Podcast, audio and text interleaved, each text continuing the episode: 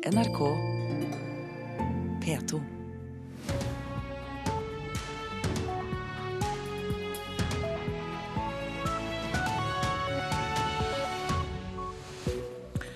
Ja, Nyhetsmorgen holder deg oppdatert, og vi starter i dag, tirsdag 3. juni klokka 6.30 med disse sakene. Det kan bli streik blant de som håndterer bagasje på flyplassene og i godstrafikken. Meklingen fortsetter i begge disse lønnsoppgjørene. Det eneste riktige, mener partiene på Stortinget, etter at regjeringen lar afghanske tolker få asylsøknader vurdert her i landet. Uholdbart at NSB ikke satte opp buss for tog da Dovrebanen var stengt, sier stortingsrepresentant Morten Ørsal Johansen fra Frp. Nei, Det syns jeg er eh, helt forkastelig, rett og slett. Jeg hadde regnet med at når eh, NSB får problemer om å innstille togavganger, så forventer jo publikum at de eh, blir fraktet. Og at de ikke gjør det, da forsømmer de egentlig oppgaven sin. Og Rettssaken mot sjåføren som drepte tolv år gamle Olav Hovda på Klepp i Rogaland i fjor, starter i dag.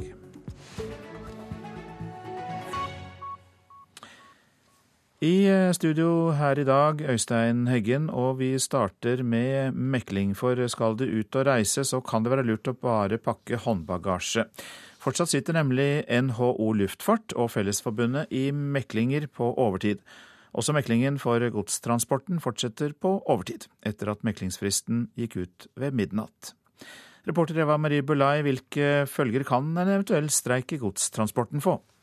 Jo, det kan eh, føre til drivstoffmangel i de store byene, altså i Oslo-området, i Bergen og i Trondheim. Nå eh, sier de at eh, det kan bli tomt for drivstoff i løpet av tre dager hvis det blir en eventuell streik. da. Og eh, det som, det som, fører til det her, er da at 255 medlemmer er varsla tatt ut i streik i den ene organisasjonen, Yrkestrafikkforbundet, mens eh, de andre, Transportarbeiderforbundet, har varsla 417 av sine medlemmer som kan bli tatt ut i streik. Ja, det var godstransporten. Og så er det da denne meklingen i luftfarten. Hva er nytt der? Jo, Like før klokka fem i morges så fikk vi høre at de fortsatt sitter og eh, snakker sammen. Det er jo ikke forhandlinger som pågår nå, men det er altså meklinger. Men eh, beskjeden var at alle skal gå på jobb i dag som vanlig. Men dette kan jo, kanskje må vi understreke, få virkning for passasjerene. Og hvordan bør de forberede seg? Det kan det, og som du nevnte, så kan det være lurt å pakke bare håndbagasje. Fordi både bagasjeutleveringssystemet til Norwegian og SAS kan bli ramma, og det kan føre til bagasjekrøll og forsinkelser på bl.a. Oslo lufthavn. Men både SAS og Norwegian håper at flytrafikken går som normalt, men eh, at det kan da bli store problemer med bagasjehåndtering av en eventuell streik. Kan du si noe til slutt om hva disse partene er uenige om? I, innenfor flytransporten så er det de ansatte som krever økt minstelønn, og dessuten at ansatte som eh, mister jobben ved konkurs skal få beholde ansiennitet, sånn at de ikke taper lønn og arbeidsvilkår. Når det gjelder eh, godsarbeiderne, så er et av stridstemaene at de eh, ønsker å få en bedre ordning for finansiering og etterutdanning av sjåfører. Mange takk, Eva Marie Bulai, vår reporter som følger disse meklingene. Og vi legger til at det ikke blir streik ved Vinmonopolet. Partene ble seint i går enige om ikke å endre på punktet i avtalen som sier at jul, påske, pinse og nyttårsaften samt valgdagen er fridager for de ansatte. Regjeringen ønsker at Vinmonopolet skal holde åpent på disse dagene. Det eneste riktige det er reaksjonen fra partiene på Stortinget etter at det i går kveld ble klart at regjeringen snur i tolkesaken. Faizullah Muradi og andre asylsøkere som har jobbet for norske styrker i Afghanistan, skal få asylsøknadene vurdert her i landet. En helt riktig avgjørelse, sier KrF-leder Knut Arild Hareide. Jeg syns det har vært et stort paradoks at en person som har tjenestegjort, gjort en stor innsats for Norge og satt sitt eget liv i fare med den innsatsen han har gjort, ikke skulle få behandla saken i Norge.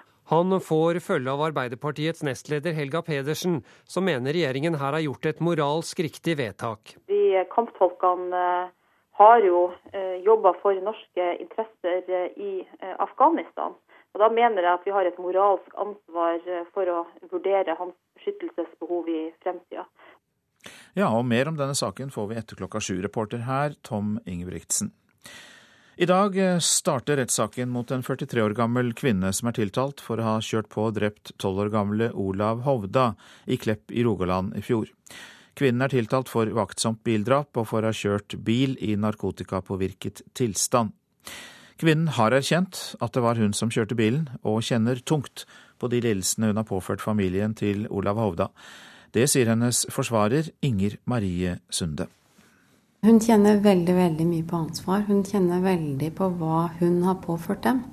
Så hun har på en måte ingen forventninger til eh, at de nærmest skal kunne tilgi. Rettssaken som starter i dag i Jæren tingrett er på mange måter en bekreftelse på hvor meningsløst, tilfeldig og skjørt livet kan være. Fredag 4. januar i fjor var tolv år gamle Olav Hovda ute på treningstur sammen med sin far da han ble påkjørt av en bil i Lalandsvegen i Klepp. Hovda døde dagen etter av skadene han ble påført. Føreren, en 42 år gammel kvinne, var midt i en livskrise etter langvarige rusproblemer og skulle aldri ha kjørt bil denne dagen. Jeg tror det er viktig at uh, retten uh, får nærmere innsyn i at dette er en kvinne som var i en alvorlig personlig krise uh, da dette skjedde. Eh, hun hadde hatt et rusmisbruk, ja, men det var et eh, rusmisbruk som var under kontroll og under behandling. Og så møtte hun et stort, vanskelig problem i livet sitt som gjorde at hun hadde noe sidemisbruk eh, i forkant av denne hendelsen. Kvinnen og hennes ektefelle ble arrestert fire dager etter påkjørselen. Knapt en uke senere tilsto kvinnen at det var hun som kjørte, og at hun hadde vært alene i bilen. Hun innrømmet også å ha vært påvirket av narkotika, men fortsatt husker hun ikke hele hendelsesforløpet. Det er en del hun husker. Hun husker en del i forveien, og hun husker noe fra hendelsen. Men jeg tror at selve detaljen om hendelsen, det vil komme fram gjennom, eh, gjennom annen bevisførsel. Det er brokker som hun eh, husker. Det alvorligste punktet er straffelovens 239 eh, uaktsomt drap som følge av kjøring sier statsadvokat og aktor i saken Harald Grønlien. Rettssaken som starter i Jæren tingrett i dag, vil gå over tre dager. Alle detaljene vil vi aldri få vite, men for å få en domfellelse, eventuelt for straffelovens 239, så trenger en å få utfylt hennes forklaring ved annen bevisførsel. Både kvinnens forsvarer Inger Marie Sunde og statsadvokat Harald Grønlien mener det har tatt for lang tid før saken kom opp for retten. Tiltale ble først tatt ut i desember i fjor, etter lang tids venting på sakkyndige uttalelser. Likevel har det gått nok et halvt år før saken kommer opp for retten. Det er ikke ønskelig at en sak skal ta så lang tid sier statsadvokat Harald Grønlien. Tidsforløpet totalt sett er lengre enn vi ønsker. Det er klart eh, hensynet til partene òg veier tungt her, men òg eh, eh, rettsvesenet i det hele tatt ønsker raskere avgjørelser. Reporter eh, Ståle Frafjord. Det er eh, uholdbart at NSB ikke satte opp buss for tog i helgen, da Dovrebanen var stengt pga. vedlikehold. Det sier stortingsrepresentant Morten Ørsal Johansen fra Fremskrittspartiet. Han mener NSB er forpliktet til å gi passasjerene et alternativ, uansett hvor mye det koster jernbaneselskapet. Ja, Skal det gå utover passasjerene, da får de sørge for å holde banelegemet sitt oppe og sørge for at togene går. da. Og Hvis de ikke gjør det, så får de sørge for at eh, de reisende har et annet alternativ. Å skylde på økonomien her, den blir for tynn, rett og slett. Fremskrittspartiets stortingsrepresentant fra Oppland, Morten Ørsal Johansen, rett og slett raser etter at NSB ikke satte opp buss for tog på strekningen Oslo-Dombås i helga. Dovrebanen var stengt pga. vedlikeholdsarbeid. I går sa kommunikasjonssjef for NSB persontog, Åge Kristoffer Lundeby, til oss at de ikke satte opp buss for tog på strekningen fordi det her er snakk om kommersiell transport. Det er rett og slett fordi at eh, vi ikke har eh, støtte fra staten for å kjøre disse togene. Og da er det penga som rår, for å si det veldig enkelt. Men denne begrunnelsen synes ikke Morten Ørsal Johansen noe om. Nei, Det synes jeg er eh, helt forkastelig, rett og slett. Jeg hadde regnet med at når NSB får problemer om å innstille togavganger, så forventer jo publikum at de blir fraktet. Og da er det vel sånn jeg har forstått det, NSB er pliktig til å sette inn et alternativ som da er buss. og At de ikke gjør det, da forsømmer de egentlig oppgaven sin. Det er nemlig slik at vi må forsvare hver ei krone vi bruker på dette tilbudet.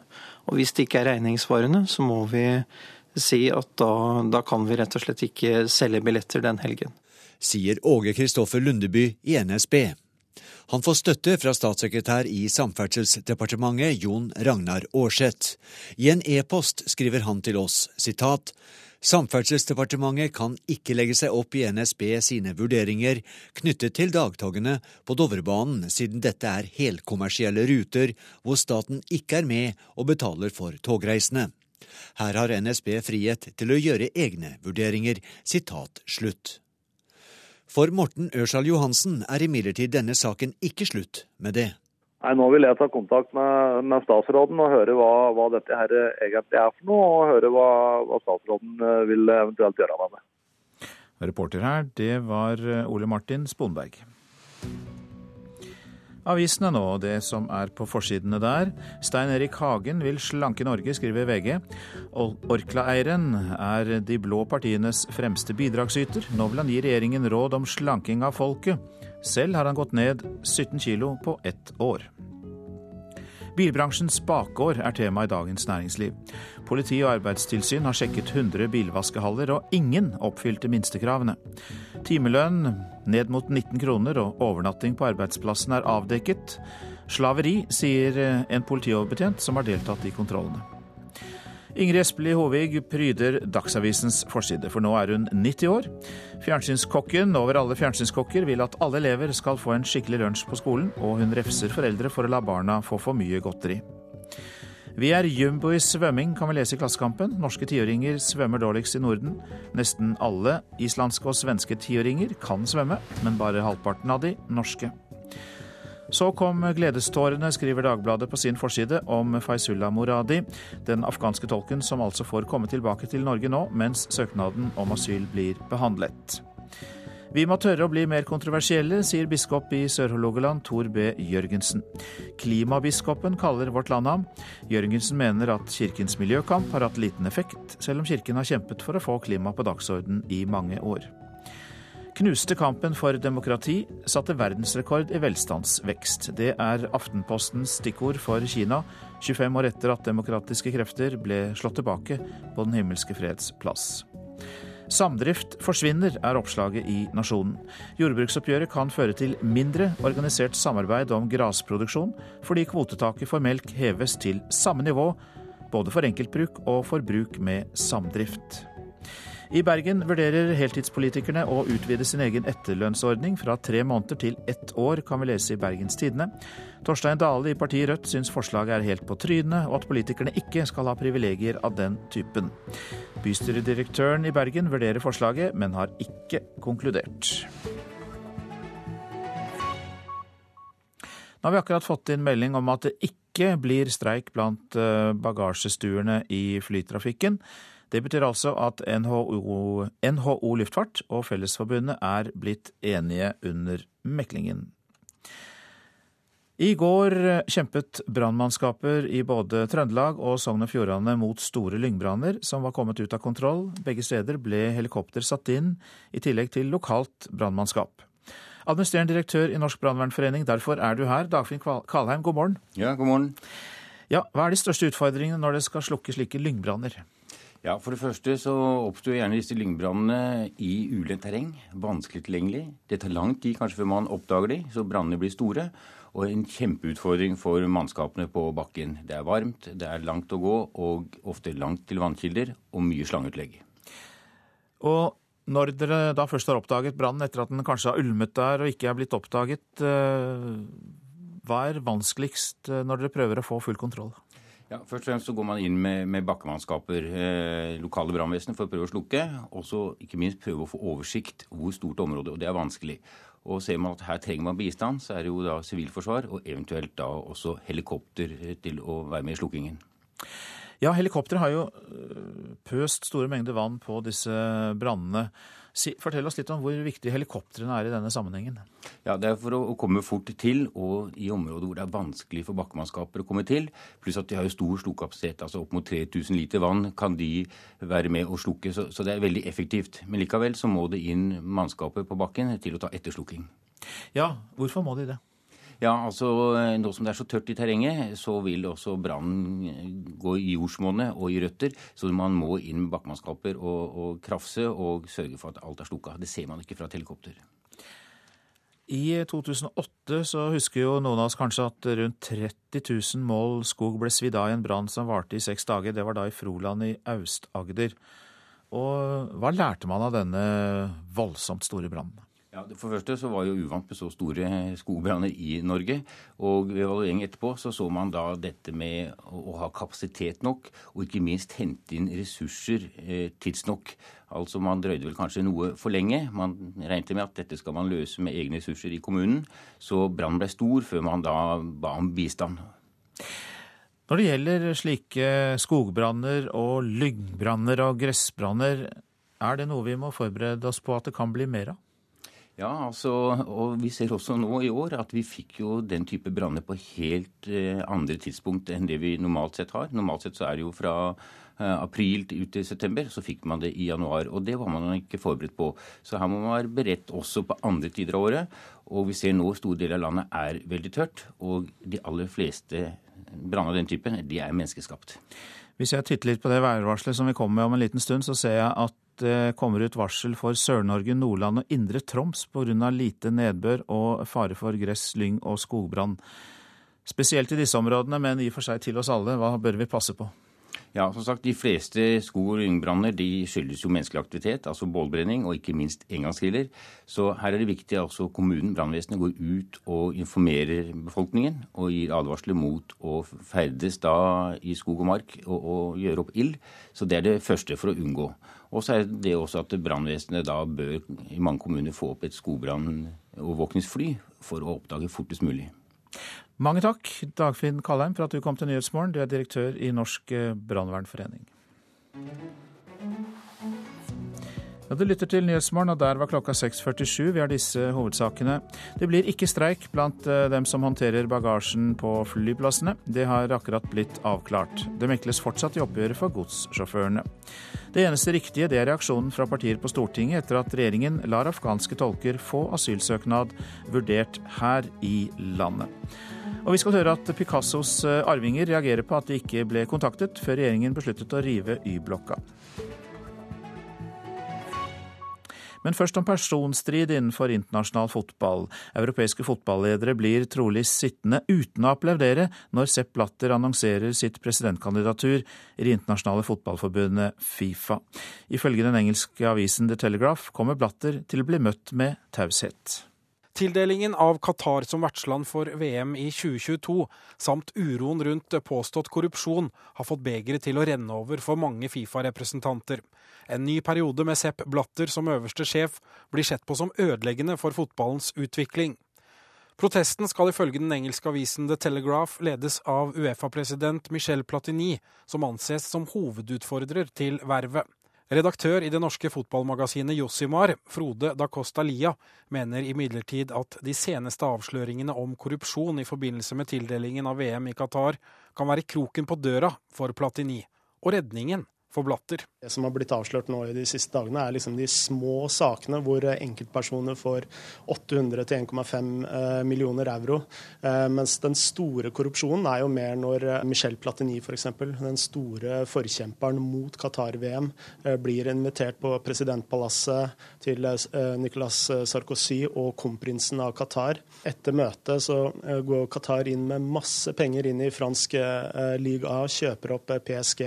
I forkant av dette så har de kjøpt eh, flymaskiner, airbuses. Eh, og det er på en måte den mer intrikate måten å drive korrupsjon på, som er eh, den store korrupsjonen i mine øyne. Det er jo dette en del av maktkampen står om.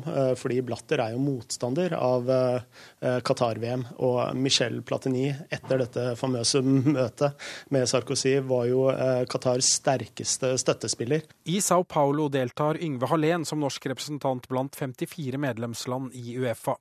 I en SMS til Aftenposten skriver Alén i går kveld at i internasjonale saker er det viktig å ta steg i riktig retning, selv om de er små. Skal du greie det, må du ha flertall for beslutningene. Derfor forankrer vi våre handlinger i Uefa-området først, og søker så allianser videre. På direkte spørsmål om han vil delta i protesten, fikk ikke avisen svar. Og det sa reporter Andreas Toft. I dag lander president Barack Obama i Polen, hvor han skal delta i 25-årsfeiringen av landets frie demokrati. Samarbeidet mellom USA og Polen er forsterket etter krisen i Ukraina.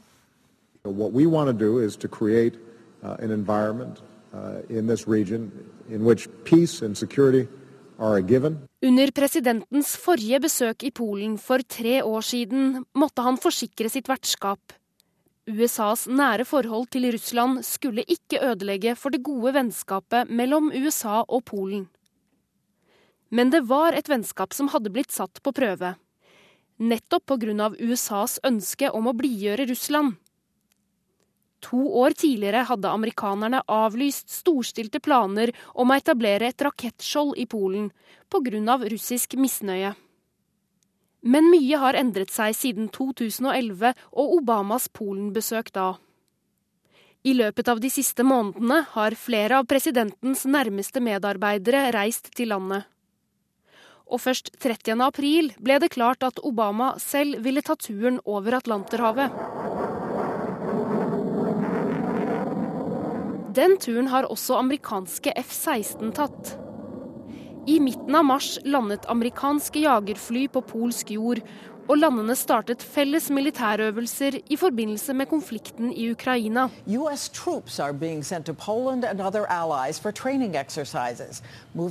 De to landene er nære allierte gjennom Nato. Det var USA og Bill Clinton som ledet an arbeidet for å få Polen med i Nato i 1999. Det var mange grunner til å få med den folkerike staten i alliansen. En av dem var å sikre demokratiet i det tidligere østblokklandet. Og selv om det da virket usannsynlig, var en annen grunn at det ville kunne fungere som et vern mot russisk aggresjon. Men det militære samarbeidet er ikke den offisielle grunnen til at Obama kommer til Polen i dag.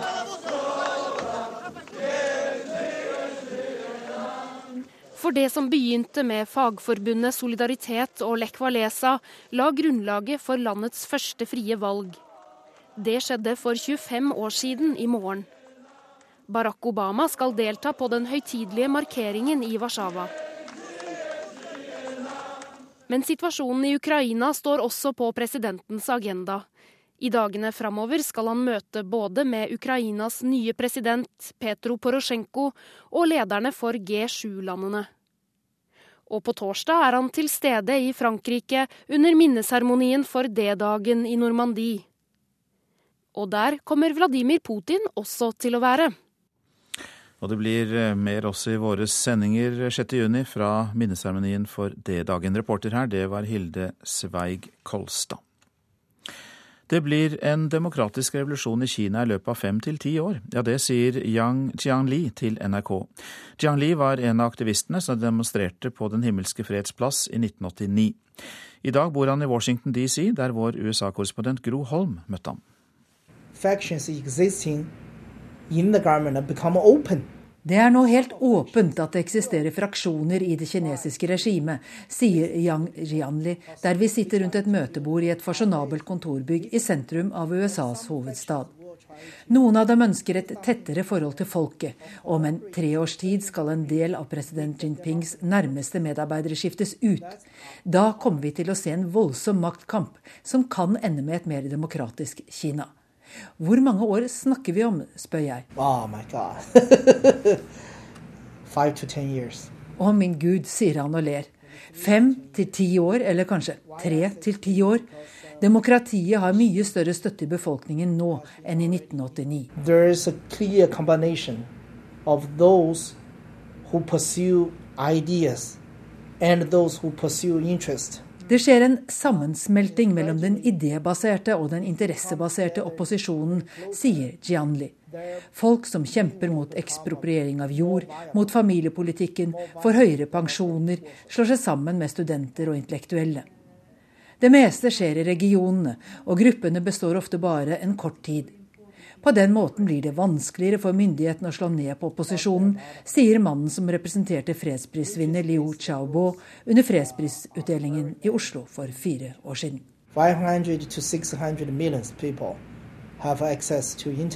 500-600 millioner mennesker har internett.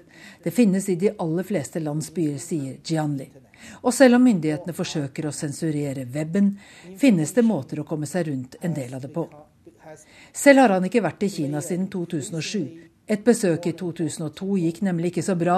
Han ble arrestert og løslatt først fem år seinere, etter voldsomt amerikansk og internasjonalt press. Nå lever han for å hjelpe opposisjonen som best han kan, bl.a. ved å samle inn penger som han på ymse vis får overlevert til folk inne i landet. Han tror fast på at regimet kommer til å endres, også innenfra, slik det skjedde i Sovjetunionen. Gorbachev. Was not born Gorbatsjov. Vi har kanskje vår egen Gorbatsjov. Han ble ikke født som den Gorbatsjov som sto for reformer. Eller vår egen Jeltsin eller Vaslav Havel. Vi ser dem bare ikke. Men det kan hende at vi gjør det om ti år, eller mindre, sier altså Yang Jianli fra studentopprøret i 1989. Nå om Pablo Picassos arvinger, som reagerer sterkt på at de ikke ble kontaktet før regjeringen besluttet å rive Y-blokka. Bygningen i regjeringskvartalet inneholder to integrerte Picasso-kunstverk. Regjeringen må ha arvingenes samtykke dersom kunsten skal flyttes. Det er eh, ulike synspunkt også når det gjelder eh, Y-blokka. Vi har kommet frem til at, eh, at, den må rives. Det sa kommunalminister Jan Tore Sanner for litt over ei uke siden, da regjeringa kunngjorde at de vil rive Y-blokka i regjeringskvartalet. Samtidig vil vi selvsagt ta vare på de to flotte kunstverkene som er i Y-blokka. Fiskene og måkene de skal bevares og, og sikres. Sanner sikter til Pablo Picasso-kunstverka som er integrert i bygningen.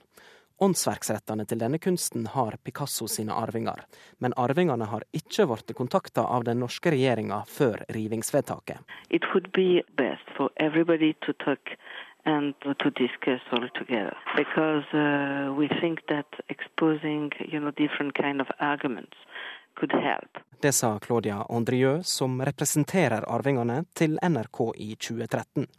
Når vi ringer ett år seinere, har hun ennå ikke hørt noe fra norske styresmakter. Never. Never. So, you know, they never contacted us, they never talked to us, they never gave us um, a telephone call, you know, to discuss this issue. Andrieu sier at de ikke kan skjønne regjeringa si framferd, og at de er svært uroa for hva som kan komme til å hende med Picasso-kunsten. And we cannot understand uh, this kind of behavior, really, because uh, this is not the way, you know, the things must be done. People talk before doing this. We are concerned, really concerned. I en e-post til NRK stadfester Kommunaldepartementet at de ikke har vært i kontakt med arvingene. I samband med rivingsavgjerda vil de nå starte dialogen. Mener det er på tide. We think that they did wrong because they do not contact you know, the succession family. And we think that they should talk. Hun vil ikke si om arvingene vil gå til rettslige steg for å stogge rivinga, og sier det viktigste nå er å få i gang en dialog. We cannot forget you know, that the Picasso's work are really a treasure you know, for the humanity. We cannot let that on the side. We cannot do that. Reporter her Lars Ivar Nordahl. Og så værvarselet. Fjell i Sør-Norge stort sett opphold, perioder med sol. Østlandet og Telemark opphold, perioder med sol også der. I kveld enkelte regnbyger i grensetraktene mot Sverige. Agder oppholdsvær, perioder med sol. Så går vi til Vestlandet sør for Stad. Tåke i ytre strøk sør for Sogn først på dagen. Ellers opphold og perioder med sol. Fra i ettermiddag enkelte regnbyger. Så går vi til Møre og Romsdal og Trøndelag. Der blir det stort sett oppholdsvær. Nordland og Troms, i ytre strøk av Nord-Troms litt regn i morgentimene. Ellers for det meste pent vær. Fra i ettermiddag tåkeskyer på kysten. Finnmark på kysten i vest og lengst i nord litt regn først på dagen. Ellers for det meste pent vær. Og Nordensjøland på Spitsbergen etter hvert pent vær. Temperaturer klokka fem. Svalbard to, Kirkenes elleve, Varde åtte, Alta ni. Tromsø, Bodø, Brønnøysund og Trondheim alle 10 grader. Molde 11, Bergen 9. Stavanger, Kristiansand, Gardermoen og Lillehammer også 10 grader. Røros 1 grad. Oslo-Blindern 13 grader da klokka var fem i natt. NRK P2. Det blir ikke streik blant dem som håndterer bagasjen på flyplassene. Partene ble enige på overtid. Demente som bor alene, er ofte underernærte. Her er NRK Dagsnytt klokken sju. Det blir ingen streik blant dem som håndterer bagasjen på Gardermoen. Fellesforbundet og NHO Luftfart, som har sittet i meklinger i hele natt, ble enige for en knapp halvtime siden. Forbundssekretær og forhandlingsleder i Fellesforbundet Jørn Eggum er glad. Nei, Vi har jo fått, uh, fått innfridd uh, de kravene som vi stilte til oppgjøret. Uh, vi har hatt gode prosesser på hvordan vi skal få løst dette som går på en garantibestemmelse i overenskomsten. Så det har vi fått til. Med solid dekning så har vi fått hevet minstelønnssatsene med 7 og vi har fått hevet alle andre satser med 7 Samtidig som vi har fått, fått, med oss det som lå som arbeid etter, etter frontfaget. Så vi er jo vi er jo veldig fornøyd. Men vi trengte, trengte den tiden som vi brukte på overtid for å få en felles forståelse av hvordan vi skulle komme ut av dette oppgjøret eh, uten å måtte gå til konflikt. Det er fortsatt ingen løsning i meklingen mellom Transportarbeiderforbundet, Yrkestrafikkforbundet og NHO Transport. En eventuell streik vil kunne føre til drivstoffmangel i Oslo, Bergen og Trondheim. Underernæring er vanlig blant demente som bor for seg selv. Det viser en undersøkelse gjort av Høgskolen i Oslo og Akershus. 50% av demente som bor hjemme er eller står i fare for å bli underernærte, selv om de får hjelp fra kommunen. Årsaken er dårligere appetitt, men også ressursmangel i hjemmesykepleien, sier forsker Ingunn Brekke. Dette er noe som bør tas på alvor. Konsekvensene for dette er jo at vi vil få mange eldre som bor hjemme som er i veldig dårlig forfatning. Hvem er det som eh, må ta det her på alvor, da? Helsemyndighetene har et stort ansvar her, men også de som jobber ute blant uh, brukerne. Halvparten av lærerne mener de har for dårlige kontorforhold til å være sju og en halv time på skolen hver dag. Det skriver Dagens Næringsliv i dag. Arbeidsgiverorganisasjonen KS fikk gjennomslag for økt tilstedeværelse i årets lønnsoppgjør.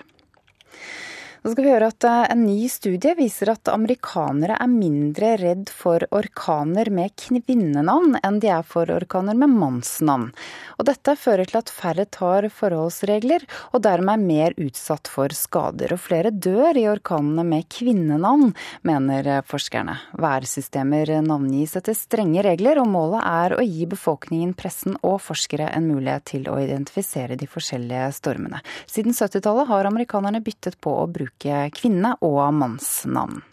NRK Dagsnytt, Ida Creed. Nyhetsmorgen fortsetter med disse sakene. Partiene på Stortinget er fornøyde med at regjeringen tillater afghanske tolker å få asylsøknader vurdert her i landet. Hvorfor tok snuoperasjonen så lang tid, spør vi justisministeren. Mange demente som bor for seg selv blir underernærte, viser undersøkelse. Og barnevernet har småbarnsbank. Det gir muligheter for barnløse. Hør mer her i Nyhetsmorgen. Det eneste riktige er reaksjonen fra partiene på Stortinget etter at det i går kveld ble klart at regjeringen snur i tolkesaken. Faizullah Moradi og andre asylsøkere som har jobbet for norske styrker i Afghanistan, skal få asylsøknaden vurdert her i landet. En helt riktig avgjørelse, sier KrF-leder Knut Arild Hareide. Ja, det er jeg svært glad for. Eh, jeg syns det har vært et stort paradoks at en person som har tjenestegjort, gjort en stor innsats for Norge og satt sitt eget liv i fare med den innsatsen han har gjort, ikke skulle få behandla saken i Norge. Han får følge av Arbeiderpartiets nestleder Helga Pedersen, som mener regjeringen her har gjort et moralsk riktig vedtak. De kamptolkene eh, har jo eh, jobba for norske interesser i Afghanistan. Og Da mener jeg at vi har et moralsk ansvar eh, for å vurdere hans beskyttelsesbehov i fremtida. Og For det andre så handler det jo om norsk egeninteresse. For også i fremtida så vil vi ha behov for lokale hjelpere når norske styrker skal bidra ute. I går kveld ble det klart at afghanske tolker som Faizullah Moradi, som har jobbet for norske styrker i Afghanistan, har rett til å få behandlet sine søknader om asyl her i landet. Denne retten får de selv om de har kommet via et annet europeisk land, og søknaden etter reglene egentlig skulle vært behandlet der. Det er også klart at Moradi kan få være her i landet mens saken hans behandles. Moradi selv var naturlig nok glad for at regjeringen har snudd i denne saken. De fleste regner nå med at han får innvilget asyl her i landet. Og han er også selv optimistisk. Selv om de fleste er glad for regjeringens snuoperasjon i denne saken, er det flere som stiller spørsmålstegn ved om ikke regjeringen burde komme til denne konklusjonen tidligere. En av dem er nestleder i SV, Bård Vegar Solhjell. Altså, det er tydelig at saken har vært forelagt Justisdepartementet, og at de ikke har funnet grunn til å gjøre noe med den.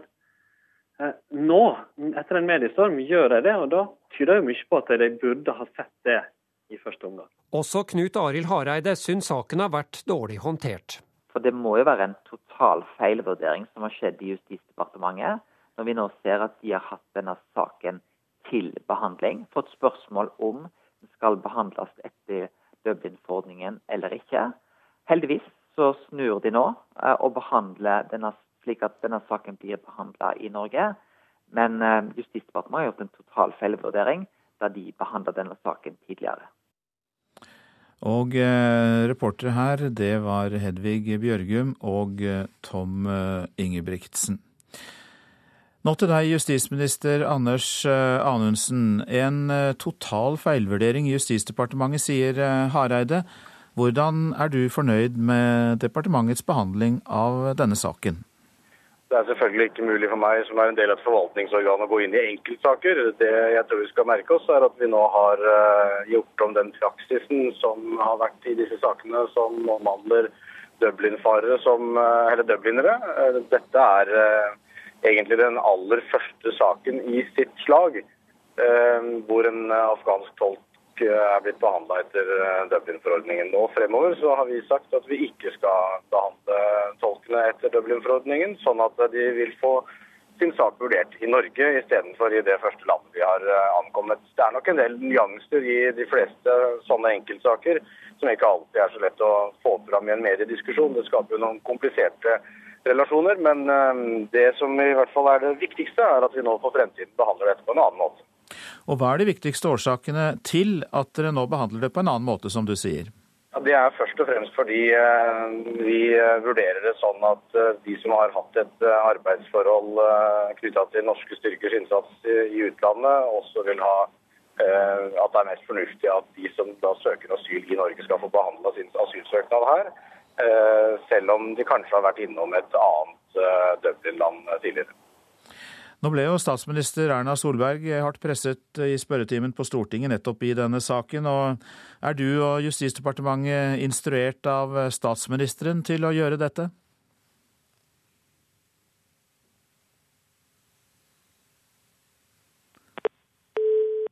Der hørte vi den karakteristiske lyden av en telefon som ble borte. Det får vi da ikke gjort noe med i denne omgang, men vi har Tor Lysøen i studio. God morgen til deg. Du er generalsekretær i Norges veteranforbund for internasjonale operasjoner. og Hva syns du om at regjeringen har snudd i denne saken? Dette er særdeles gledelig. Og det er et gammelt ord som sier 'gjør rett, frykt intet'. Og i denne situasjonen har de gjort det eneste riktige, og da ta hensyn til enkeltindivid, og ikke gjemme seg bak et regelverk. Vi, har, vi, holder deg i studio fortsatt, Tore Lysøen, men vi har kontakt med justisministeren igjen. Og ja, ble du instruert av statsministeren til å gjøre denne endringen, Anundsen? Ja, det var jo statsministeren som ba oss om å foreta en gjennomgang av den praksisen som eh, vi har etablert på dette området. Den gjennomgangen har vi tatt, og det har ført til denne endringen. Har tolkene grunn til å være optimistiske med tanke på å få bli i Norge nå? Det som nå er klart, er at de får behandla asylsøknaden sin. Det vil jo være en individuell vurdering i forhold til det beskyttelsesbehovet enhver har. Eh, og Derfor er det viktig å understreke at dette handler om behandlingsmåten, og det er ikke noen forhåndsaksept for eh, eh, asylsøknaden, som vil bli behandla på helt ordinær måte nå i Norge. Det som er en fordel, er jo selvfølgelig at en i Norge vil ha tilgang Eh, ganske enkelt til eh, de opplysningene som kan være relevante for en del av disse tolkene, som har gjort en fantastisk innsats for eh, norske styrker. Mens du var borte, vi mistet deg jo eh, i noen eh, sekunder, så har Tor Lysenstøen uttalt seg. Han er generalsekretær i Norges veteranforbund. Han sa han var veldig glad for eh, det som nå har skjedd. Hvilket budskap har du til Veteranforbundet, Anders Anundsen? Jeg vil først og fremst det budskapet til alle at vi nå vurderer asylsøknadene til de afghanske tolkene i Norge, uavhengig av om de har vært i et annet land tidligere. Eh, det er eh, en viktig endring for de som eventuelt har eh, oppholdt seg i et annet land enn Norge mellom hjemland og UTS. Så det viktigste er at vi nå har fått en rutine på hvordan dette skal håndteres. og Sånn sett så har jo denne saken bidratt til at vi har fått en gjennomgang, og at vi nå har en endra praksis. Takk til deg, justisminister Anders Anundsen. Og tilbake Tor Lysenstøen, generalsekretær i Norges veteranforbund. Fortell oss litt mer om hvilken jobb disse tolkene har gjort i Afghanistan. Disse har vært en eh, livsnødvendighet for våre styrker ved at de kjenner de lokale forhold særdeles godt. De kan også tolke signaler når de kommer inn i landsbyer om hva som foregår. De vet også hvem som er eh, nøkkelpersonene i disse landsbyene og byene. Så de er altså det jeg kaller for livsnerven til styrkene. Hvordan vurderer du faren for deres liv dersom de må være i Afghanistan? Taliban har jo stemplet mange av disse som forrædere, og det er klart det vil bare ha en utgang. Hva slags ansvar mener du Norge har generelt sett når det gjelder disse tolkene som har bistått? Det må jo være å individuelt behandle, som justisministeren sier. Og deres behov for sikkerhet må være det som er i høysetet. Og uansett regelverk så må man behandle individ for individ. Det tror jeg er et veldig viktig signal. Uansett regjeringens regelverk, individet vil man bli målt på. Er det flere grupper enn disse tolkene som gjaldt de norske styrkene, som dere i Veteranforbundet mener kan være i en tilsvarende situasjon? Det er ganske mange. for Vi hadde også kjøkkenpersonell, renholdspersonell, eh, bygningsarbeidere osv. som bygde opp disse leirene. Og det er klart De eh, grupperingene jeg snakket om her, de vet jo godt hvem disse er, og de kan altså ha hevnaksjoner mot disse. Hvilket råd vil du da gi til regjeringen hvis det kommer eh, asylsøknader fra den grupperingen? Igjen behandle individ for individ. Hjertelig takk for at du kom, Tor Lysenstøen, som er generalsekretær i Norges veteranforbund for internasjonale operasjoner. Takk skal du ha.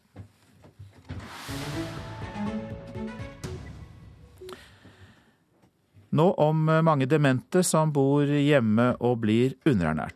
En undersøkelse gjort i Oslo viser at halvparten av dem som bor for seg selv, ikke får i seg nok mat, selv om de får hjelp av hjemmesykepleien.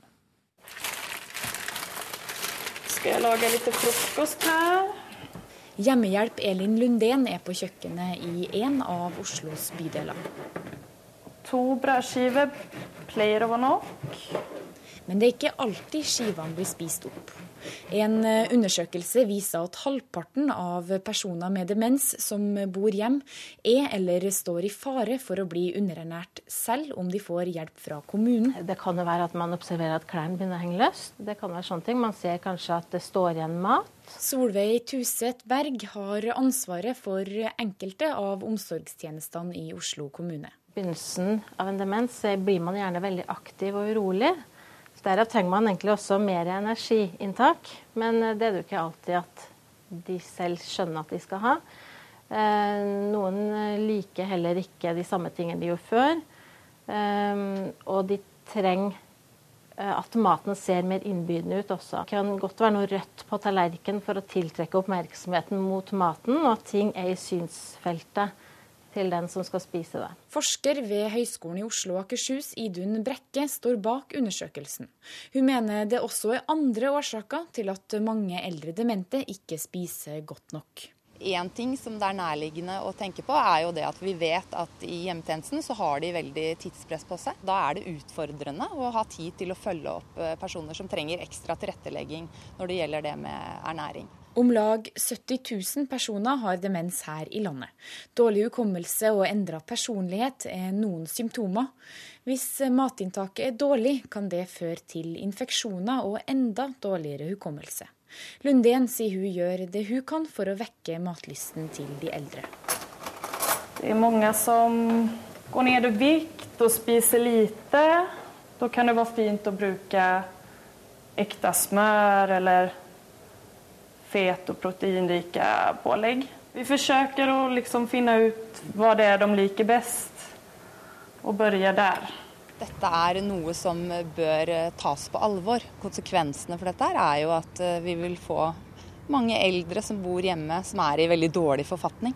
Hvem er det som eh, må ta det her på alvor, da? Helsemyndighetene har et stort ansvar her, men også de som jobber ute blant brukerne.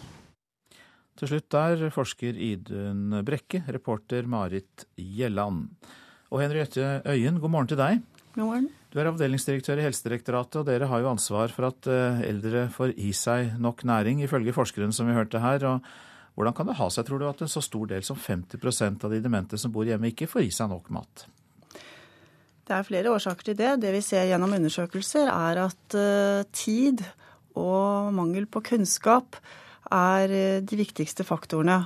Samtidig så ser vi også at det mange steder er uklare eller sviktende ansvarsforhold og rutiner rundt dette med vurdering av ernæringsstatus og, og vurdering av behov og tilrettelegging og, og tiltak for et uh, bra kosthold. Da er det kunnskap det mangler på, og tid det mangler på i hjemmesykepleien, da? Ja, det er det eh, fire av fem eh, oppgir at det er det som er hovedårsakene. Hvordan kan man få gjort noe med det? For da, nå syns jeg du er veldig konkret. Ja, du sier det er for liten tid til dette her, og det er mangel på kunnskap. Da burde det være mulig å sette inn støtet og få gjort noe med det. Ja, vi har jo utarbeidet uh, nasjonale retningslinjer for forebygging og behandling av underernæring. Som nettopp sier at alle som møter helse- og omsorgstjenesten skal få vurdert sitt uh, ernæringsbehov. Og dersom det viser seg at de er i risiko for underernæring, så skal det også da følges opp med en tiltaksplan. Og dette skal også da skriftlig dokumenteres i journal. I tillegg så har vi utarbeidet noe som vi kaller Kosthåndboken, som er en veileder som er mer i hvordan dette kan gjøres rent eh, praktisk. Men kan dere gjøre noe i eh, direktoratet utover det å ha en eh, brukerveiledning og retningslinjer? Ja, vi har også over flere år gitt tilskuddsmidler til kommunene i, for, for, å forbedre ernæringskompetansen. Og, der skjer det veldig mye positivt. Bl.a. er det utviklet e-læringsprogram for helsepersonell for, eh, for, å styrke kompetansen for vurdering av ernæringsstatus og hvilke tiltak man kan iverksette overfor ulike grupper. Denne undersøkelsen var jo fra Oslo. Hvordan står det til resten, land, resten av landet?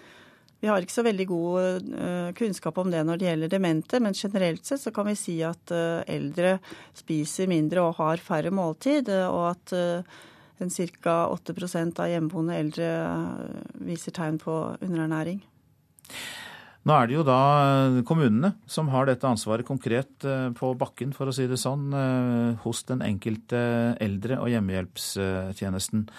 Du sier at dere har regelverk og andre virkemidler. Hvilket budskap har du da til de kommunene som håndterer og organiserer hjemmehjelpstjenesten? Det er at de må lære opp sitt personale og i hvordan de skal håndtere dette. De må gjøre retningslinjene og kosthåndboken kjent, og ikke minst at den blir brukt i praksis. Skal folk være bekymret for bestemor og bestefar nå? Det kan være grunn til bekymring, men dersom man er bekymret, så bør man ta kontakt med hjemmetjenesten. Og det er veldig viktig at de pårørende er i dialog og samarbeider rundt eh, sin eh, mor eller far. Mange takk, Henriette Øyen, som altså er avdelingsdirektør i eh, Helsedirektoratet. Ja, du lytter til Nyhetsmorgen. Klokka den er ganske straks 7.19, og vi kan slå fast at det ikke blir streik blant eh, de som håndterer bagasje på flyplassene. Det er blitt avklart nå i morgentimene. Men det mekles fortsatt da i oppgjøret for godssjåførene.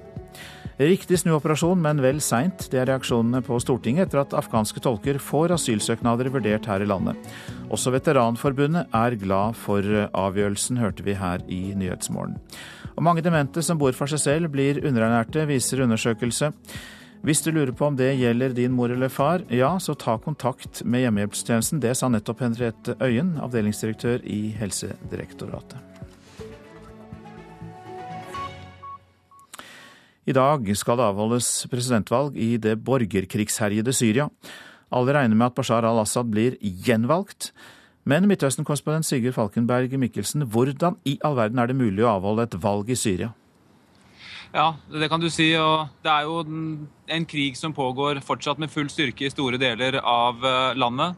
Det gjelder særlig nord i landet og eh, rundt og i byen Aleppo. Eh, der særlig Assad-regimet har sin offensiv gående med de såkalte tønnebombene. Eh, hvor det har kommet rapporter nå om at eh, sammen, til sammen har det drept over 2000 mennesker bare i år av disse bombene. Også mange barn. Så dette valget dette avholdes kun i regimekontrollerte områder, som er sånn pluss-minus halvparten av landet. Og det er i alt 9000 stemmelokaler. Så er det altså et åpent spørsmål om det blir voldshandling handlinger i dag knyttet til valget. Jeg vil anta at opposisjonen har interesse av å vise av at eh, regimet ikke har så god kontroll som regimet ønsker å framstille det som. Det at det avholdes valg nå, er vel eh, til syvende og sist Bashar al-Assads eh, personlige avgjørelse. Hvorfor tror man at han avholder dette valget? Ja, Det er eh, litt pga. formelle årsaker. Eh, de vet jo en ny grunnlov eh, som åpnet for at han kunne sitte en ny periode, og også da at det skulle holdes valg innen sju år. Eh, men det er ikke det som er det viktige. Det viktige er at dette sender et kraftig signal både til egen befolkning og til andre om at Assad ikke skal noen steder. Han eh, vil fortsatt være Syrias president, eh, og at det er ikke noe de kan forhandle om og ikke ønsker å forhandle om. Så det er på en måte en del av dette, dette større bildet som regimet nå prøver å framstille det som, som om at de har momentumet på sin side, og at seier er uunngåelig. Hvilke følger kan dette valget få, hvis det i hele tatt får noen følger, da? Ja, altså, for det første så, så, så, så, vil det jo befeste Assads posisjon eh, internt eh, i de områdene han allerede kontrollerer. Eh, men spørsmålet er om det kan åpne for eh, mer eh, vold eh, eller forhandlinger. Og Der er folk litt delt. det er nok en mulighet for at dette gjør at konflikten blir spissere. Eh, at det er eh, mer ønske om eh, fortsatt væpnet konflikt mellom opposisjon og Assad, når Assad-regimet ikke viser forhandlingsvilje. Og Det gjelder også de regionale spillerne her, f.eks. Saudi-Arabia. Spørsmålet er hvordan de vil forholde seg til dette valget. Og så er det også de som mener at nå som Assad velges, så vil regimet kanskje være litt mer fleksible på andre spørsmål.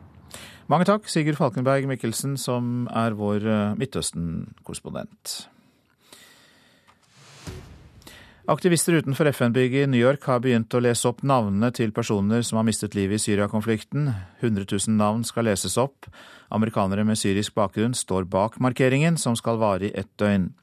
Lignende opplesninger av navn finner sted i byer rundt om i Nord-Amerika, Europa og i Syria.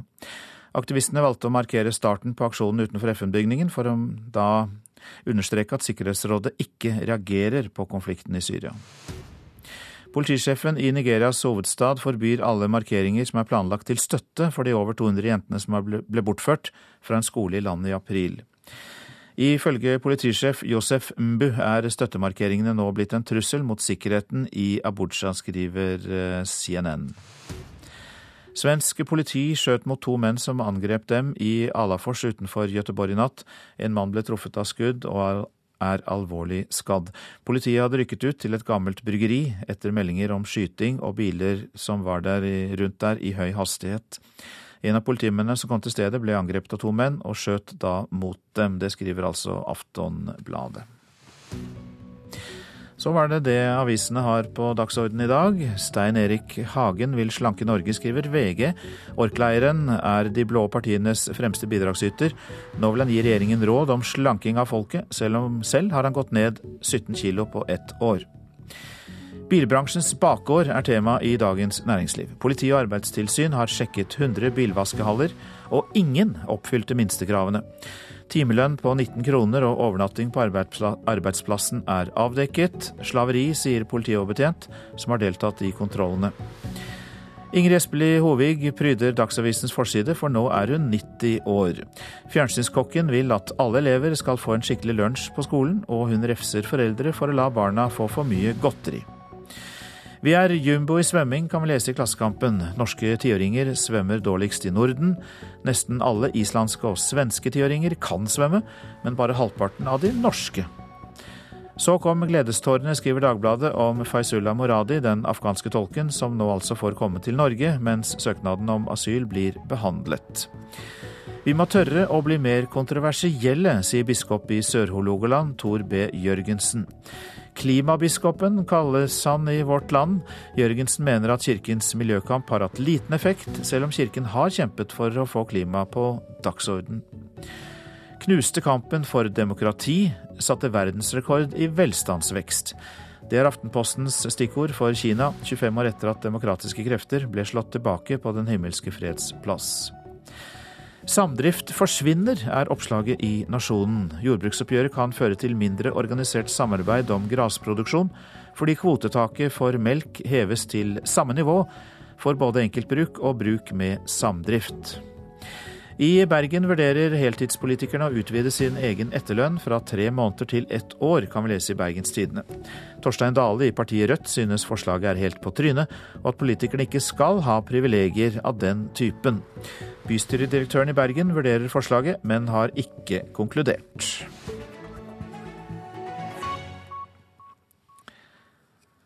Stadig flere barnløse oppsøker Bufetat med ønske om å adoptere. De siste årene har det statlige barnevernet, som også jobber med adopsjon, hatt en egen småbarnsbank. Her kan familiene melde sin interesse for å ta imot barn som trenger akuttplassering, men som det kan bli aktuelt å adoptere på sikt. Smøret mitt er smelta. Smøret ditt har smelta, ja. Får få litt av deg? Nei. Nei. Mor Leikny Martinsen i samtale med dattera rundt frokostbordet. Dattera som hun og mannen Christian ble beredskapsheim for etter at de hadde meldt sin interesse hos barnevernet. Jeg var på jobb og fikk telefon om ei lita jente på seks måneder som trengte en hjem. Men når det kom hjem til oss, så var hun bare på plass og rett inn med en gang. Ja, Det var vår unge fra første sekund nærmest. Helt, helt, fantastisk. Nå har familien Martinsen adoptert fosterbarnet sitt, noe de ikke er alene om. Jo mindre de er, jo lettere er det å plassere de. Det er da veldig mange som ønsker nyfødt. Sier Anne Brandsberg Dahl, som er fagkonsulent hos Bufetat region vest. I løpet av de siste fem åra er antall fosterbarnsadopsjoner fordobla. Jo, nå etter hvert som det er blitt mer kjent, så har vi fått eh, ganske stor interesse fra barnløse par, som òg kan tenke seg å adoptere på sikt. I 2009 starta Bufetat opp med prosjektet Småbarnsbanken. Et tilbud som har blitt mer og mer kjent for de som ønsker seg barn. En familie må kunne ta imot et barn på kort varsel. Og de må òg kunne tenke seg å adoptere barnet på sikt. Først så blir de fosterhjem. Og når saken er avgjort i nemnda, så må de òg tenke adopsjon. Og det er ei utvikling ikke alle er like glade for. Advokat Arnhild Skretting har jobba med barnevernssaker i 13 år, og mener det biologiske prinsippet står svakere i dag. Du begynner ikke å ta unger fra folk, og i alle fall ikke med et så inngripende inngrep som adopsjon, før man har hjemmel i lov. Det er et symptom, tenker jeg, på en samfunnsutvikling som vi ikke vil ha. Der det er sånn at de mindre vellykka menneskene, de såkalte ressurssvake menneskene. Der tar de fra de ungene, først med en omsorgsovertakelse, for de er ikke gode nok, de er ikke rike nok. De kan ikke tilby det som de andre vellykka menneskene kan. Som ikke det er nok, så skal man òg ta fra de babyene nå.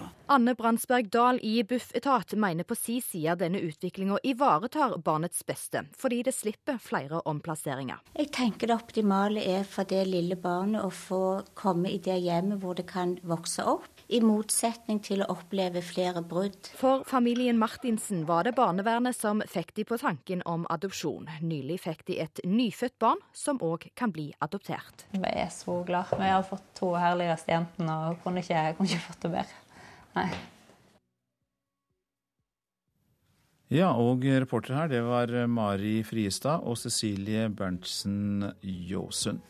Du lytter til Nyhetsmorgen. I reportasjen etter Dagsnytt kan du høre at opposisjonen i Brasil har fått økt oppslutning pga. misnøyen med fotball-VM. I Politisk kvarter eh, får vi mer eh, om de afghanske tolkene som nå får sine søknader om asyl behandlet i eh, Norge. Og Politisk kvarter skal også innom dansk politikk i dag. Produsent for Nyhetsmorgen, Ulf Tannes Fjell. Her i studio i dag, Øystein Heggen.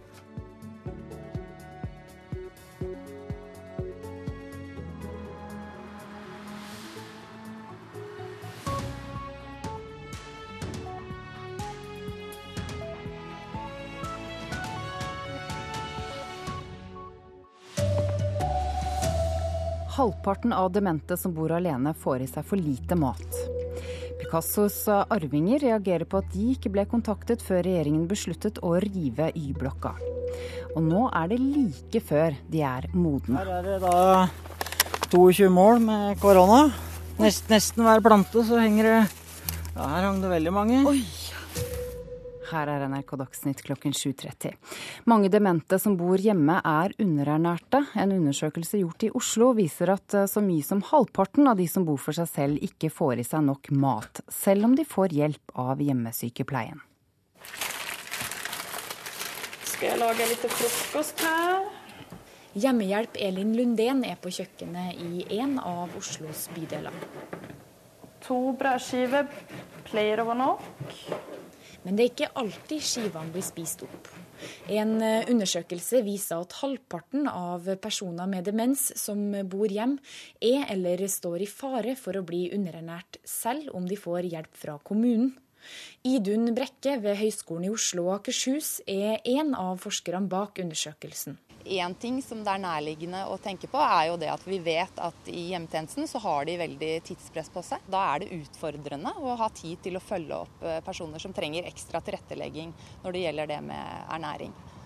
En annen ting som vi også vet, som er eh, en naturlig del av aldringsprosessen, er jo også at eh, personer tar til seg mindre ernæring når man blir eldre. Om lag 70 000 personer har demens her i landet. Dårlig hukommelse og endra personlighet er noen symptomer. Hvis matinntaket er dårlig, kan det føre til infeksjoner og enda dårligere hukommelse. Lundén sier hun gjør det hun kan for å vekke matlysten til de eldre. Vi forsøker å liksom finne ut hva det er de liker best, og begynne der. Konsekvensene for dette er jo at eh, vi vil få mange eldre som bor hjemme som er i veldig dårlig forfatning. Helsemyndighetene har et stort ansvar her, men også de som jobber ute blant uh, brukerne. Sa forsker Idun Brekke til reporter Marit Gjelland. Det blir ingen streik blant eh, bagasjestuerne på Gardermoen. Etter flere timers mekling på overtid ble NHO Luftfart og Fellesforbundet enige rundt klokken seks i morges. Administrerende direktør i NHO Luftfart, Torbjørn Lote, sier det de måtte gå noen ekstra runder for å bli enige om bl.a. minstelønnsbestemmelser. Det pågår fortsatt mekling på overtid i eh, godstransporten. Det eneste riktige er reaksjonen fra partiene på Stortinget etter at i går kveld ble klart at regjeringen snur i saken til Faizullah Moradi og de andre tolkene som har jobbet for norske styrker i Afghanistan. De skal nå få asylsøknaden vurdert her i landet. Det er en helt riktig avgjørelse, mener KrF-leder Knut Arild Hareide.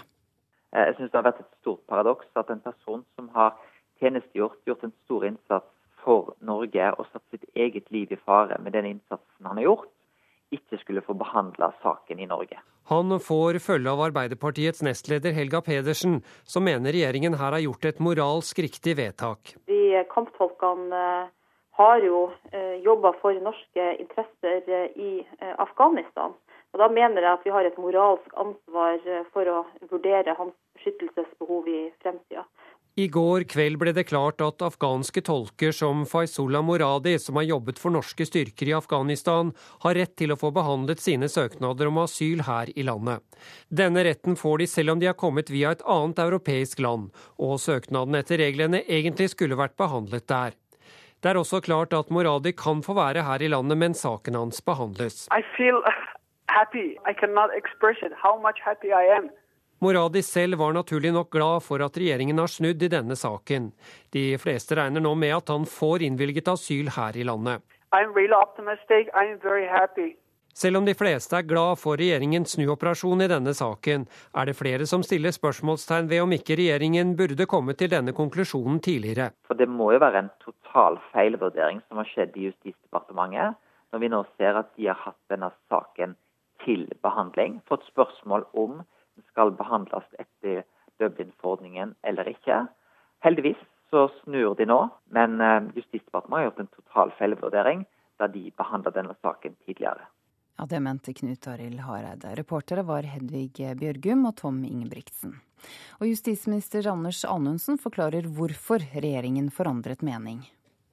Det er først og fremst fordi eh, vi eh, vurderer det sånn at eh, de som har hatt et arbeidsforhold knytta til norske styrkers innsats i utlandet, også vil ha at det er mest fornuftig at de som da søker asyl i Norge, skal få behandla sin asylsøknad her. Selv om de kanskje har vært innom et annet Dublin-land tidligere. Kutt i offentlige utgifter har ført til at 123 millioner EU-borgere nå må regnes som fattige.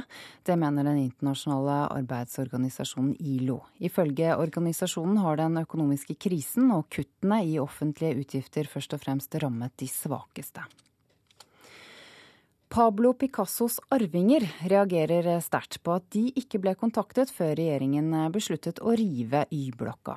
Bygningen i regjeringskvartalet inneholder to integrerte Picasso-kunstverk, og regjeringen må ha arvingenes samtykke dersom denne kunsten skal flyttes.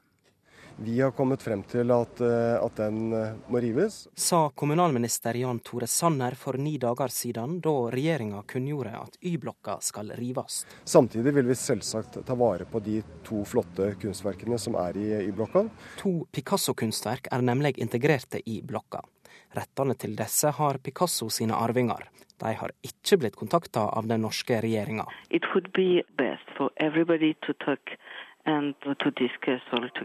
Det sa Claudia Andrieu, som representerer arvingene til NRK i 2013.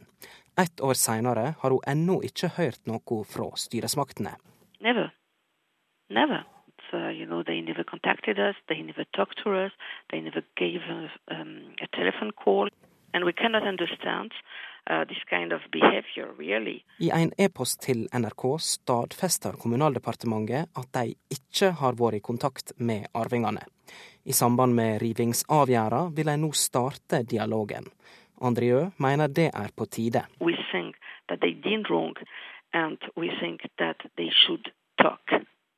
Reporter Lars Ivar Nordahl. Så sport. Elverum håndballklubb krever fortgang i prosessen for å få ny landslagstrener i håndball. Daglig leder Jostein Borchhus eh, mener klubben eh, tar belastningen for at det tar så lang tid. Håndballforbundet har fortsatt ikke fått på plass en permanent eh, landslagssjef, og Elverum-trener Christian Berge er fortsatt midlertidig. Og Hvis forbundet vil ha Christian, så er det på mange måter Elverum som må løpe den store risikoen her. Christian Berge vant sin femte tittel i løpet av seks år i Elverum da han ledet laget til nok et norgesmesterskap tidligere i år. Etter at Robert Tedin trakk seg som landslagstrener i februar, har Berge delt tiden mellom Elverum og landslaget midlertidig. Selv ønsker Berge landslagsjobben, men forbundet bruker tid. Generalsekretær i Håndballforbundet Erik Langerud sier det jobbes med saken. Ja, Prosessen pågår eh, egentlig for fullt, eh, i tråd med det vi tidligere har sagt at vi ønsker å ha dette avklart eh, innen utgangen av juni. Borchhus i Elverum ønsker en avklaring raskt. For hver dag utover juni nå, så syns jo Elverum som klubb at eh, ting begynner å ta ganske mye tid. Reporter her var Andreas Toft. Det går mot rekordtidlig jordbærsesong på Østlandet. Flere steder er det nå bare én uke før bærene kan plukkes. Hos jordbærbonde Inge Gustavsen i Røyken er det like før. Her er det da 22 mål med korona. Nest, nesten hver plante så henger det ja, Her hang det veldig mange. Oi. Her var vi nok eh, i slutten av uka pella, tenker jeg. Det er disse bæra du drømmer om når vinteren biter deg i kinna. Det er disse bæra som er selve symbolet på norsk sommer. Inge går foran, og jeg går bak, og når vi bretter de grønne bladene til side, så ligger de der, fristende og nesten helt røde. Problemet i starten er jo at det er, som du ser her, ligger jordbæra nedpå. Ja. Og da blir den lille tuppen som er veldig vanskelig å få rød. Ja. Det er vel håper det er litt bedre enn belgisk. det er det jeg lever og ånder for, for å få jordbær som er bedre smak. Men han får nok solgt bæra sine, Inge, for folk har nemlig ringt ham allerede for å høre om bæra er modne. Og i år kan han oppfylle ønsket om røde bær rekordtidlig. I forhold til fjoråret så er det nok eh, nesten 14 dager, da. Har du opplevd at det har vært så tidlig noen gang? Nei. Nei. Jeg har aldri For jeg fant jo jordbær her alltid i slutten av mai. Har du opplevd det før? Ja? Nei. Det har aldri skjedd så lenge jeg har dyrka jordbær. Ja, det var eh, reporter Karoline Bekkelund Hauge som hadde vært i jordbæråkeren til bonde Inge Gustavsen på Hyggen Øvre i Røyken i eh, Buskerud.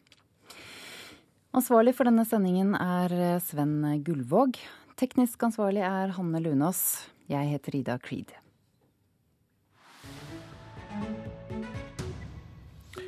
Så slår vi fast at du lytter til Nyhetsmorgen.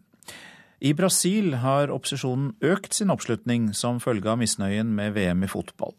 Det er presidentvalg til høsten, og mange brasilianere ser fotball-VM som en opptakt til valget. President Dilma Rousef har eh, fortsatt favorittstempelet, men hun er blitt langt mindre populær det siste året. Arnt Stefansen har levert denne reportasjen fra Rio de Janeiro.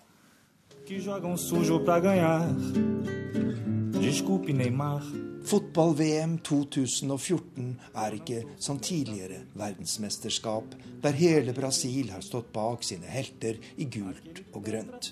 Mange brasilianere er så forbitret over pengebruken, forsinkelsene og det de mener er en omfattende korrupsjon foran VM, at de ikke engang støtter det brasilianske landslaget.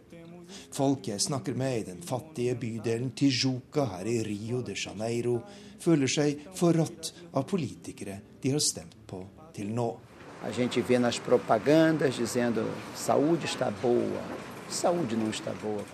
Vi hører deres propaganda som forteller oss at helsevesenet er bra. Men helsevesenet er slett ikke bra, sier pensjonisten Ailton Bispo. Inflasjonen er under kontroll, sier de. Alle vet at det er den ikke. Det er så mange løgner å høre fra dette Arbeiderpartiet, som gjorde veldig mye bra den første tiden etter at det kom til makten. Og aller verst er dette VM-arrangementet, som skulle bli en velsignelse for alle oss brasilianere, men som hittil har vært en skandale. Jeg håper egentlig at Brasil taper, sier han porque eh, Brasil ganhando a Copa, os focos Hvis Brasil vinner VM, vil det ta oppmerksomheten bort fra problemene. Folk vil juble og være fornøyd, og regjeringen kan si at VM har vært en suksess. Dermed blir regjeringspartiet trolig gjenvalgt, og det blir ingen bedring for landet. Skolene blir ikke bedre, helsevesenet blir ikke bedre, og transporten blir ikke bedre. En skikkelig VM-fiasko for Brasil er trolig det beste for dette landet på lengre sikt, sier pensjonisten fra Tijuca.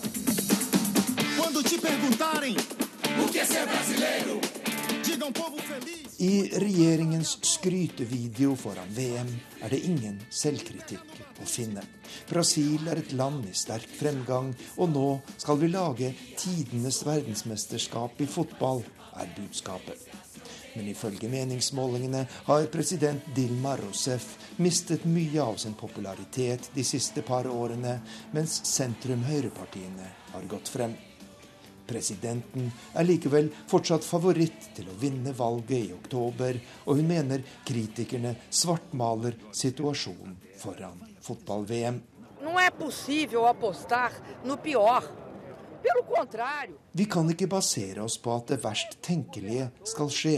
Jeg har den motsatte holdningen, og jeg er overbevist om at vi kommer til å lage det beste fotball-VM noensinne, sier president Dilma Rousef.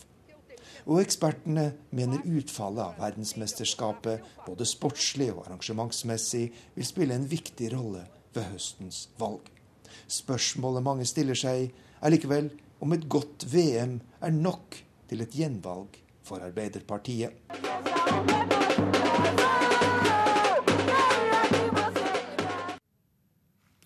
Arnt Stefansen rapporterte. Du lytter til Nyhetsmorgen. Dette er hovedsaker i dag. Halvparten av demente som bor alene i Oslo får i seg for lite mat. Det skjer selv om de får hjelp av hjemmesykepleien, viser undersøkelse. Det blir ingen streik blant bagasjestuene på Gardermoen. Det ble enighet om minstelønnsbestemmelser under meklingen mellom Fellesforbundet og NHO Luftfart for kort tid siden. Men det mekles fortsatt i oppgjøret for godssjåførene. En riktig snuoperasjon, men vel seint. Det er reaksjoner på Stortinget etter at afghanske tolker får asylsøknader vurdert her i landet. Og før Politisk kvarter så minner vi om nettstedet radio.nrk.no, der du kan lytte til alle NRKs radiokanaler og til og med spole deg tre timer bakover og høre det du ikke fikk hørt for litt siden. Programleder for Politisk kvarter er Per Arne Bjerke.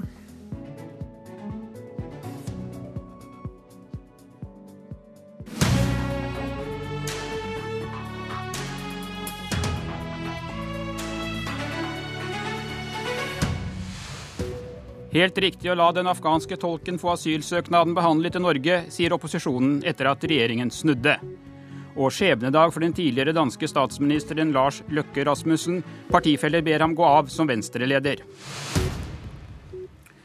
Ja, i går kveld kom altså beskjeden. Den afghanske tolken som har bistått norske soldater i kampen mot Taliban, får likevel asylsøknaden sin behandlet i Norge, etter at Justisdepartementet har bedt UDI om å gjøre en ny vurdering i saken. Ingjerd Schou, fraksjonsleder for Høyre i Stortingets kommunalkomité. Tror du tolken hadde fått en ny sjanse dersom det ikke hadde vært for den mediestormen vi så i forrige uke?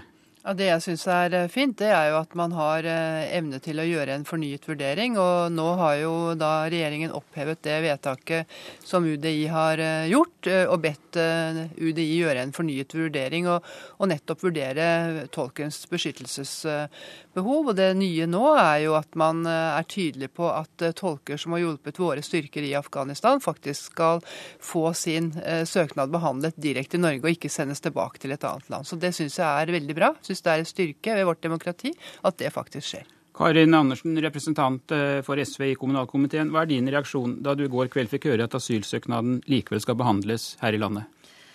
Ja, Det syns jeg er på tide. Og det er ille at det må til en slik storm. Jeg tok opp, har tatt opp saken to ganger med justisministeren før, og med blankt avslag fra han til å se på saken. Og der han sa, eh, påsto at vi måtte følge Dublin-regelverket. Det må vi selvfølgelig ikke, og vi har et selvstendig ansvar her. Men jeg er jo glad for at uh, saken nå snur, men jeg føler meg ikke trygg før saken er behandla og han har fått bli, for det er det eneste rette. Kan du nå føle seg trygg, Inger Skau? Du representerer jo regjeringspartiene. Ja, så Man skal være trygg på at, eh, at, vedtaket er opphevet, og at han eh, skal få sin sak eh, vurdert av UDI på nytt, og at beskyttelsesbehovet skal vurderes. Og, og Det som jeg syns er veldig fint, det er at uh, tolker som har hjulpet våre styrker, de skal ikke behøve å gå tilbake til et annet land, men få søknaden vurdert her. Og Så er jeg trygg på at uh, regjeringen har gjort en klok avgjørelse, og jeg er også trygg på at UDI gjør en god fornyet vurdering. Ja, jeg syns det skulle bare mangle at vi ikke skulle behandle saken sånn, og det skulle vært gjort eh, fra første stund. Dette er folk som eh, risikerer livet fordi de har hjulpet norske styrker i Afghanistan. Og sånn som denne saken handler om, har jo til og med hatt uniform og vært med ute i strid. Så at dette i det hele tatt skulle være en diskusjon, diskusjon syns jeg er eh, ganske alvorlig. Men nå håper jeg at eh, denne saken gjør at vi får behandla disse sakene på en skikkelig måte. og at de som trenger beskyttelse, og som uh, har kommet i fare fordi de har hjelpa oss, at vi behandler de sakene ordentlig raskt, og at de, vi gir dem beskyttelse. Det er et moralsk ansvar vi har. Så langt om den afghanske tolken. I dag skal Stortingets kommunalkomité, der dere begge sitter, ta stilling til en annen asylsak, for snart lander de første av de 1000 kvoteflyktningene fra Syria som regjeringen har sagt ja til.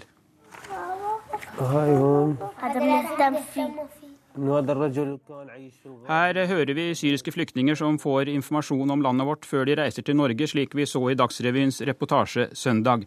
I dag skal kommunalkomiteen avgi innstilling om et forslag fra SV som går inn for å øke tallet på syriske flyktninger til 5000. Karin Andersen, hvordan mener dere at vi skal klare å skaffe bolig til fem ganger så mange som det regjeringen legger opp til? Altså Det er en, eh, kanskje den største flyktningkatastrofen eh, vi har sett i de siste åra, er i eh, området i, altså i Syria og landa rundt nå. Det er snart tre millioner flyktninger.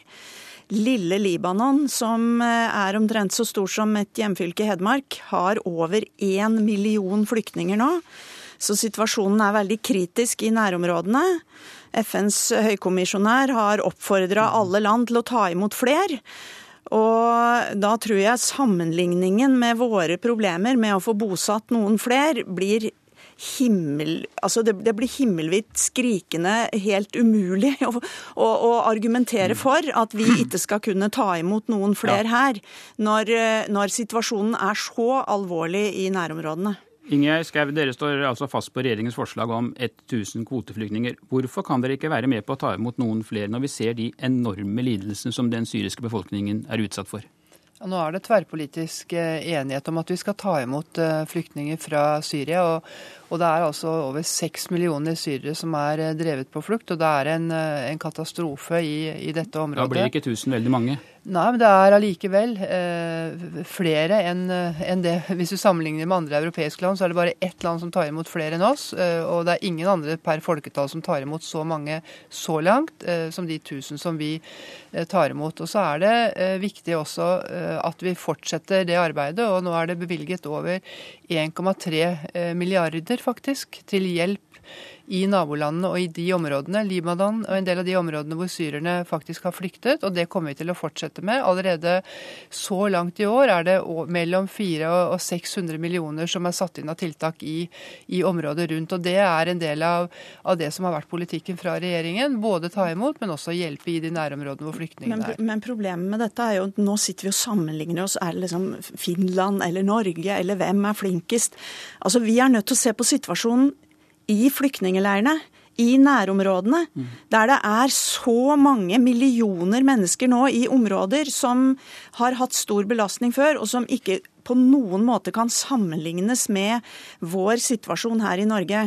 Og når FNs høykommisjonær ber om at uh, europeiske land må ta ut flere flyktninger fordi situasjonen er så prekær i, i flyktningleirene også, så forstår jeg ikke denne argumentasjonen i det hele tatt. Og jeg tenker, ser dere ikke at dette både kan bidra til humanitære katastrofer i disse områdene, jo, men også til ustabilitet. At man ikke greier å få tatt ut flere jo, flyktninger. Jo, absolutt, og det er det som vi gjør. Når det nå fra 2011, og også den regjeringen som Andersen var en del av, er satt inn over 1,3 milliarder, og det er økt med mange hundre millioner til hjelp i de områdene som er nær eh, det opprinnelseslandet, også nær Syria. Eh, og jeg tror det er viktig at vi har oppslutning om asylpolitikken. Eh, og jeg tror det er viktig også å ta imot de som har beskyttelsesbehov. Arven etter Andersen, etter åtte år i regjering, er altså at vi hadde 5000 i mottak som skulle bosettes Nei, vi, ja, snakke nødt til vi er i Norge. å bare for fullføre, Andersen, ja. Eh, bare for å fullføre. Eh, det er viktig at vi også har oppslutning, at vi både hjelper her hjemme, tar imot, at vi hjelper i nabolandene, og at vi også har en oppslutning om asylpolitikken, slik at vi kan gjøre et ordentlig arbeid med å bosette. Arven etter Andersen i regjering var altså 5000 i mottak. Og vi skal ha eh, gode tilbud også ute i kommunene og bosette. Nå er det en formidabel økning med bosetting, eh, men dette skal henge i hop hele veien. Og, og det, det, er ikke sånn at man kan si at ikke vi har et varmt hjerte å ta imot. Men aller først, det er ingen motsetning mellom det å bistå i nærområdene og det å ta imot flere. Vi må altså gjøre begge deler. Ja, for dette det er den mest alvorlige flyktningkatastrofen vi har sett på veldig mange år. Det sier alle internasjonale organisasjoner. Og da å sitte og snakke om at dette er, er eh, så forferdelig i Norge nå, blir helt meningsløst. Nei, jeg snakker ikke om hvor forferdelig. Sånn, det er sånn, Ingjerd Schou, at vi har, uh, har, behov for å få bosatt flere. Da syns jeg at du, ditt parti og din regjeringskollegas parti skal, skal gå igjennom hva det er deres partier ja. gjør i norske kommuner når de sier nei til bosetting. Det er det, det er som er problemet. Det er en, det er en, god, økning, det er en god økning nå, motsetning til med Karin Andersen i regjering. Men dette at vi bosetter altså om de. Men vi, vi tar imot 1000. Vi hjelper i naboområdene, og vi gjør begge deler. Ja. og Det er en formidabel økning av den Ta resten av denne debatten i kommunalkomiteen senere i dag. Takk for at dere kom.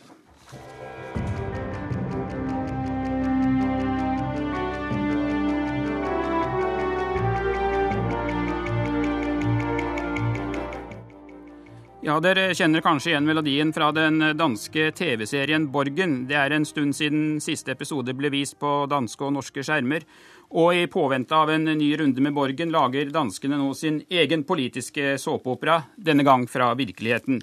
For i dag avgjøres fremtiden til formannen i Venstre og tidligere statsminister Lars Løkke Rasmussen.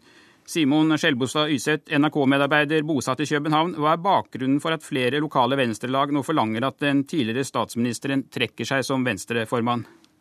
Det hele startet med flere saker i mediene i mai her nede om eh, umusikalsk forbruk på partiets regning. Venstre skal ha betalt 150 000 kroner for eksklusive klær for formannen, betalt feriereiser for Løkke Rasmussens familie og ekstraregninger for vask på et hotell der han skal ha røyket sigaretter, for å nevne noe. Det har jo tidligere vært flere saker knyttet til hans forbruk på partiets og andre institusjoners regninger. Saken ble rullet opp i mediene i uken før EU-parlamentsvalget 25. mai. Venstre lå godt an på målingene, men gikk kraftig ned eh, i dagene før valget og endte med å gjøre et elendig valg. Mistet et mandat i EU-parlamentet og gikk mange prosentpoeng tilbake. Løkke Rasmussen tok uh, valgnatten på seg ansvaret, men, men, det har ikke stilnet stormen. og Nå har flere og flere betydningsfulle medlemmer gått ut og bedt han trekke seg. Hvordan eh, preger denne saken den politiske dagsordenen i Danmark for tiden? Ja, denne saken er eh, dagsorden. Eh, det er som mange har sett på, på, Borgen, hvor journalister flokker seg rundt folketingsmedlemmer i gangene på Kristiansborg etter hvert eneste lille møte for å høre om de fortsatt har tillit til Løkke Rasmussen eller eh, ikke. Eh, det er interaktive kart som viser hvilke lokallag som støtter formannen og hvilke som vil kaste han på, på nettavisene her. Og som politisk redaktør i TV 2 News, Anders Langballe, sa i går, er dette den største spinndoktorkrigen han har vært med på gjennom sine år på Borgen, og, og som sikkert forsker forskeren her skal si litt mer om. Dette handler om mer enn dyre dresser og røyking på et hotellrom i danske Venstre nå. Ja, Signe Bock Segård, forsker ved Institutt for samfunnsforskning. Hvor dramatisk er denne saken for Venstre, som inntil for tre år siden hadde statsministeren og styrte Danmark gjennom åtte år? Det er ganske alvorlig, også fordi den har flere dimensjoner enn bare formannsposten. Eh, som vi var inne på her, så eh, ser man en drastisk eh, reduksjon i velgeroppslutning om partiet. Eh, og den, I noen målinger er den helt ned på 14,5 prosent, hvor den i 2011 var opp over 20. Så det er en drastisk økning. Men også fordi vi ser at der kommer noen skillelinjer til syne igjen, som har historisk eh, som har en historisk forankring. Og vi ser særlig eh, at det er de jyske kommunene som går opprør her. Ja, men Hvordan forklarer du ellers denne proteststormen som vi nå ser mot den tidligere statsministeren? Han angripes jo nå fra alle hold innad i sitt eget parti. Det er det skyldes også at uh, vi vet at det på et tidspunkt skal skrives uh, ut valg i Danmark. Det skal gjøres i løpet av et års tid til halvannen. Og det er klart man tenker på at man skal ha en kandidat som kan stille opp mot Helle Thorning-Smith. Ja, Da er vi jo rett inne på da, den sosialdemokratiske statsministeren Helle Thorning-Smith, som jo også har hatt uh, sine skandaler, må vi si. Men blir hun nå reddet av bråket i Venstre? Så lenge hun sitter helt stille, så ser det ut til at hun kan ha litt hjelp fra Venstre selv i forhold til det. Men uh, det er jo også annen, et annet parti som stormer frem i Danmark. Det er jo Dansk uh, Folkeparti, som gjorde det veldig godt til EU-parlamentsvalget, og ser ut til å være det blant enten det største eller enda største parti. Men øker dette muligheten for Sosialdemokratene og hennes eh, radikale koalisjon, slik du ser det, eller har Venstre fortsatt muligheter til å gjenerobre makten og bli regjeringspartiet igjen? Det blir jo litt spekulasjon. I siste ende så vil det jo avhenge av dels hvordan Venstre som parti håndterer denne saken i kveld og de neste ukene, men det vil også avhenge av hvorvidt det oppfattes som en personsak eller et Eh, kulturelement i Venstre, en ukultur. Nå hører vi da hvordan eh, Løkke Rasmussen nå blir angrepet pga. en del disposisjoner han har gjort. Tidligere var det som var inne på Helle Thorning-Smith. Hva gjør alt dette med tilliten til danske politikere? Det er et eh, spørsmål som som jeg tror egentlig vi først skal svare på i, i som kommer. Øh, I Danmark så er der nok en litt tøffere tone i politikken enn vi er vant til her i Norge. Øh, politikerne er vant til mer, velgerne er vant til mer. Men det er klart over tid, når denne type skandaler kommer opp igjen og igjen og igjen, så er det, er det på et tidspunkt hvor det er nok. Skjelbostad Yseth, du følger jo nå nøye dansk politikk og danske meningsmålinger som det kommer mange av i uka. Hvem er vinneren når Venstre taper, hvis vi ser på målingene?